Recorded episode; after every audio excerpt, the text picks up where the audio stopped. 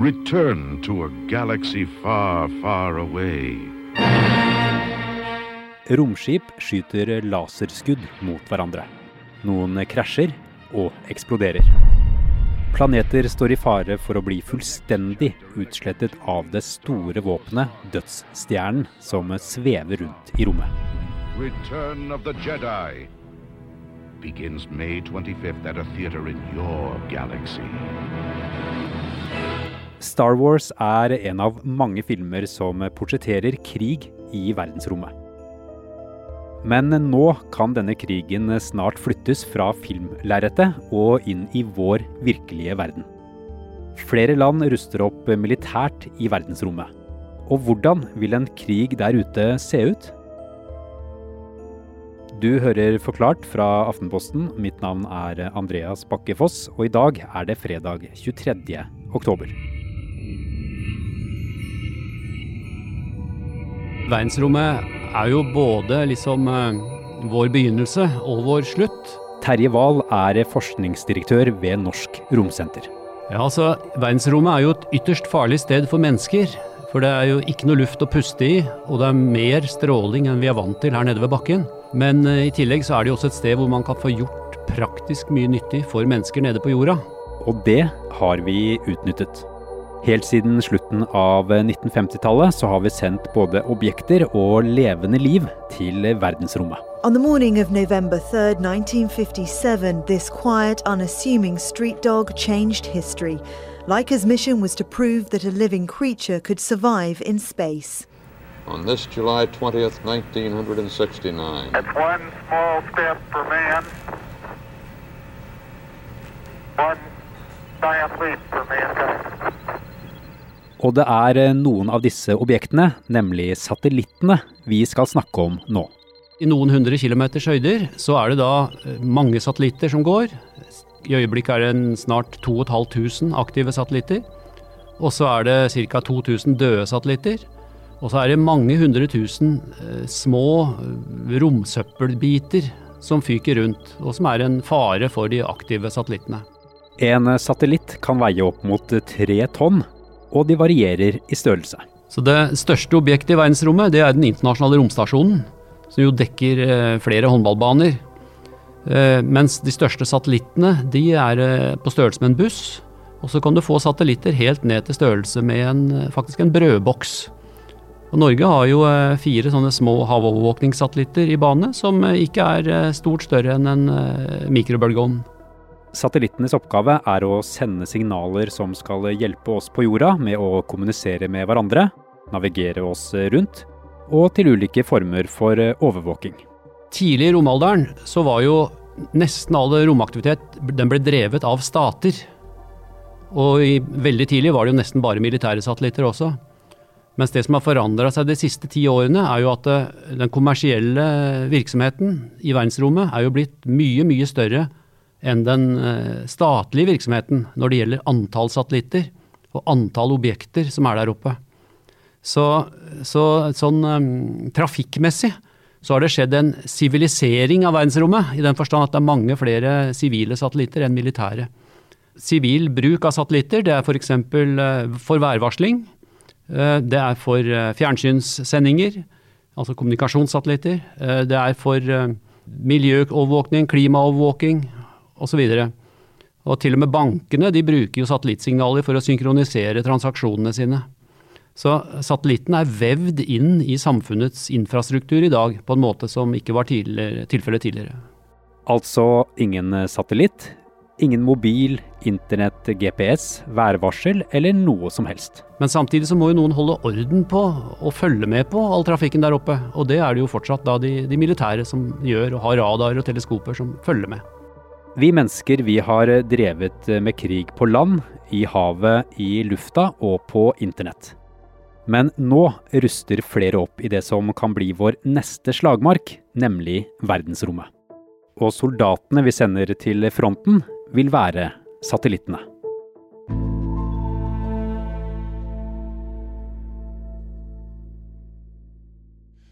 Good morning. Over the next uh, two uh, days, uh, NATO defense uh, ministers will meet to address uh, key issues uh, for our alliance.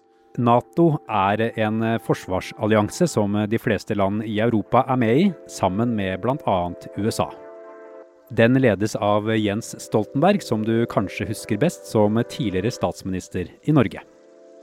Denne uken møter han alle forsvarsministrene i Nato for å bl.a. snakke om verdensrommet.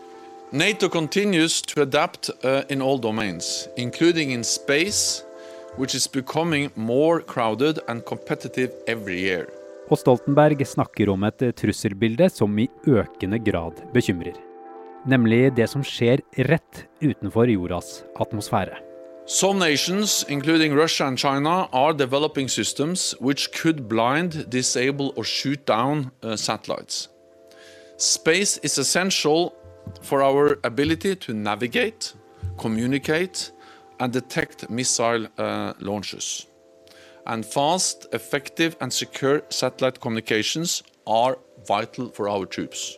Derfor så skal forsvarsministerne denne uken vedta noe historisk. En egen romkommando.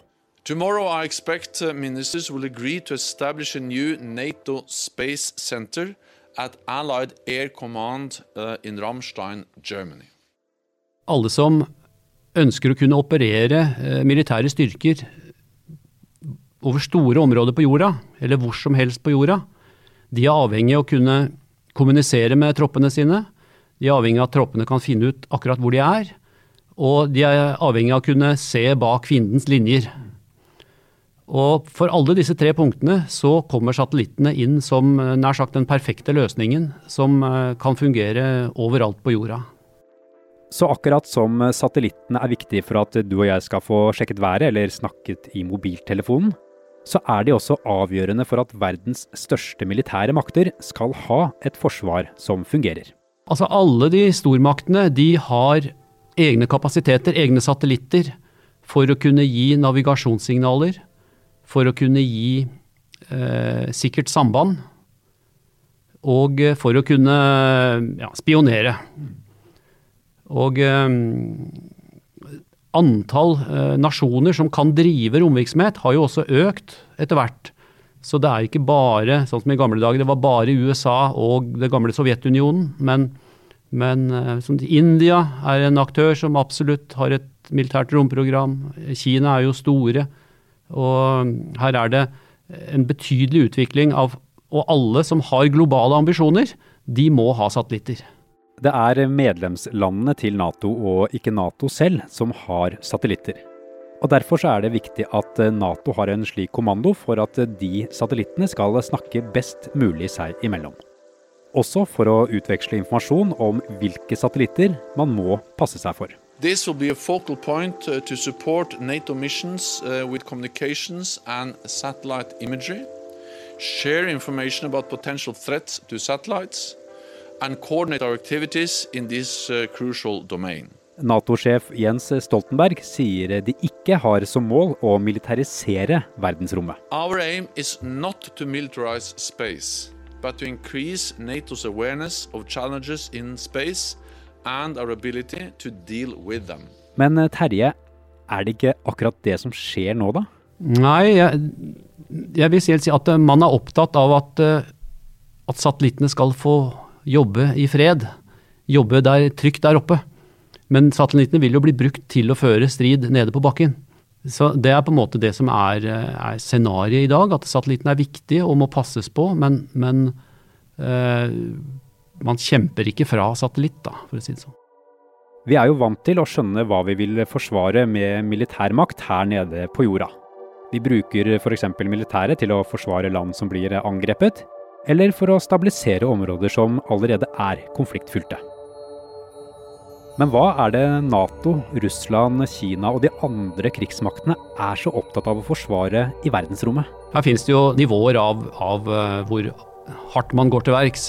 Men det som man typisk kan gjøre mot en kommunikasjonssatellitt, det er jo at man forstyrrer den ved å sende jammesignaler, som det heter, altså forstyrrende radiobølger, inn mot satellitten. Da får ikke satellitten gjort jobben sin. Og for en spionsatellitt som ser med en stor teleskop, kan du si, så kan man tenke seg at den retter en laserstråle mot den satellitten, og så blir satellitten helt blendet, eller eventuelt helt blindet, så den blir ødelagt. Og tilsvarende for, for navigasjonssignaler så kan man uh, prøve å forstyrre de, eller, eller nar, lage narresignaler, sånn at folk tror de er et annet sted enn, enn der de er. Da blokkerer man jobben som satellitten gjør, men man ødelegger ikke satellitten. Og så har du jo mer, enda mer alvorlige uh, tiltak, da, hvor han eventuelt skyter i stykker en satellitt, eller man styrer en annen satellitt for å kollidere, eller andre ting du kan gjøre fra verdensrommet. Ja, Er det faktisk mulig å, skyte ned en annen satellitt med et uh, skarpt våpen? Ja, å skyte den ned er vel kanskje litt overdrive, for det, det, du gjør er at du skyter den i stykker, og så fortsetter den som 1000 nye romsøppelobjekter. Men både USA, Kina og også India har eh, vist at de kan klare å treffe satellitter. Men de har jo bare skutt på sine egne gamle utrangerte satellitter. da. På jorda så er det regler for hva som er lov og hva som ikke er lov i krig. Men i verdensrommet så kan det virke som det er litt mindre strengt. Det finnes noe lovregulering av verdensrommet gjennom FNs traktat for det ytre rom. Eh, men den sier eh, egentlig bare at det er ikke tillatt å utplassere masseødeleggelsesvåpen i verdensrommet. Som f.eks.? Atombomber. Mm. Ikke tillatt å ha det i bane rundt jorda. Eh, mens det er ikke noe forbud mot at stater kan ha våpen i rommet.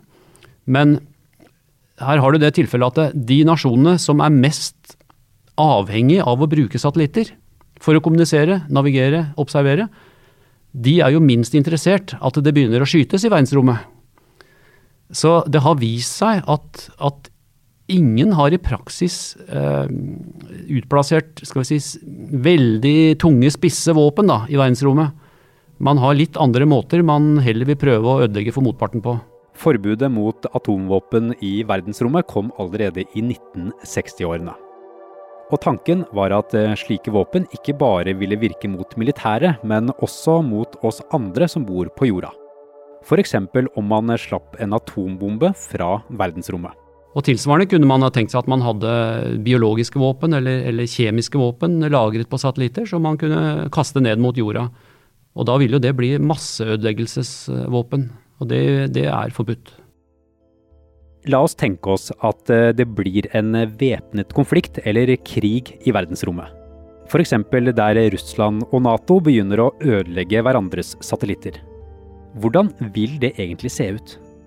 Ja, Det vil jo bli oppfatta som en veldig alvorlig sak hvis man begynner å skyte på hverandres satellitter. og Da vil jo det trappe opp konflikten nede på bakken. Men, men, det som rent praktisk ville skje i verdensrommet, det er jo at det blir veldig mange flere romsøppelobjekter, som så antagelig vil begynne å kollidere med andre satellitter igjen. Og så blir alle parter som er der oppe, blir rammet da, av at det blir uh, splinter. I tillegg til Star Wars sine lasersverd, så skyter de også laser fra både våpen og romskip. Vil en sånn våpenbruk være mulig i vår verden? Dersom Nato og Russland skulle møtes til krig i verdensrommet? Det er klart at Hvis eh, store deler av navigasjonssatellitter eller kommunikasjonssatellitter blir slått ut, så begynner veldig mange eh, systemer her på jorda å ikke virke. Fordi at eh, GPS-satellittene f.eks. er jo militære satellitter med egne militære signaler. Men de samme satellittene sender jo også de vanlige navigasjonssatellittene som folk flest bruker i, i mobiltelefon og biler. Så vi vil kunne merke det med en gang? Vi kun, vil kunne merke det veldig raskt hvis det virkelig tar av i verdensrommet. ja. Terje, som du sier så er det jo ingen som vil skape så mye trøbbel i verdensrommet, men samtidig så ser vi jo at militariseringen øker. Hvordan ser du for deg utviklingen de neste ti årene? Jeg tror vi vil se veldig mye utvikling når det gjelder det å, å jamme og blende og blinde og forstyrre Eh, mens det vil være en veldig stor terskel å eh, virkelig begynne å ødelegge hverandres satellitter der oppe. Samtidig så tror jeg at eh, stormaktene vil ønske å kunne vise at det er et sånt S de har i bakhånd. Eh, som en sånn eh, tung trussel da, som de, de håper å ikke måtte bruke.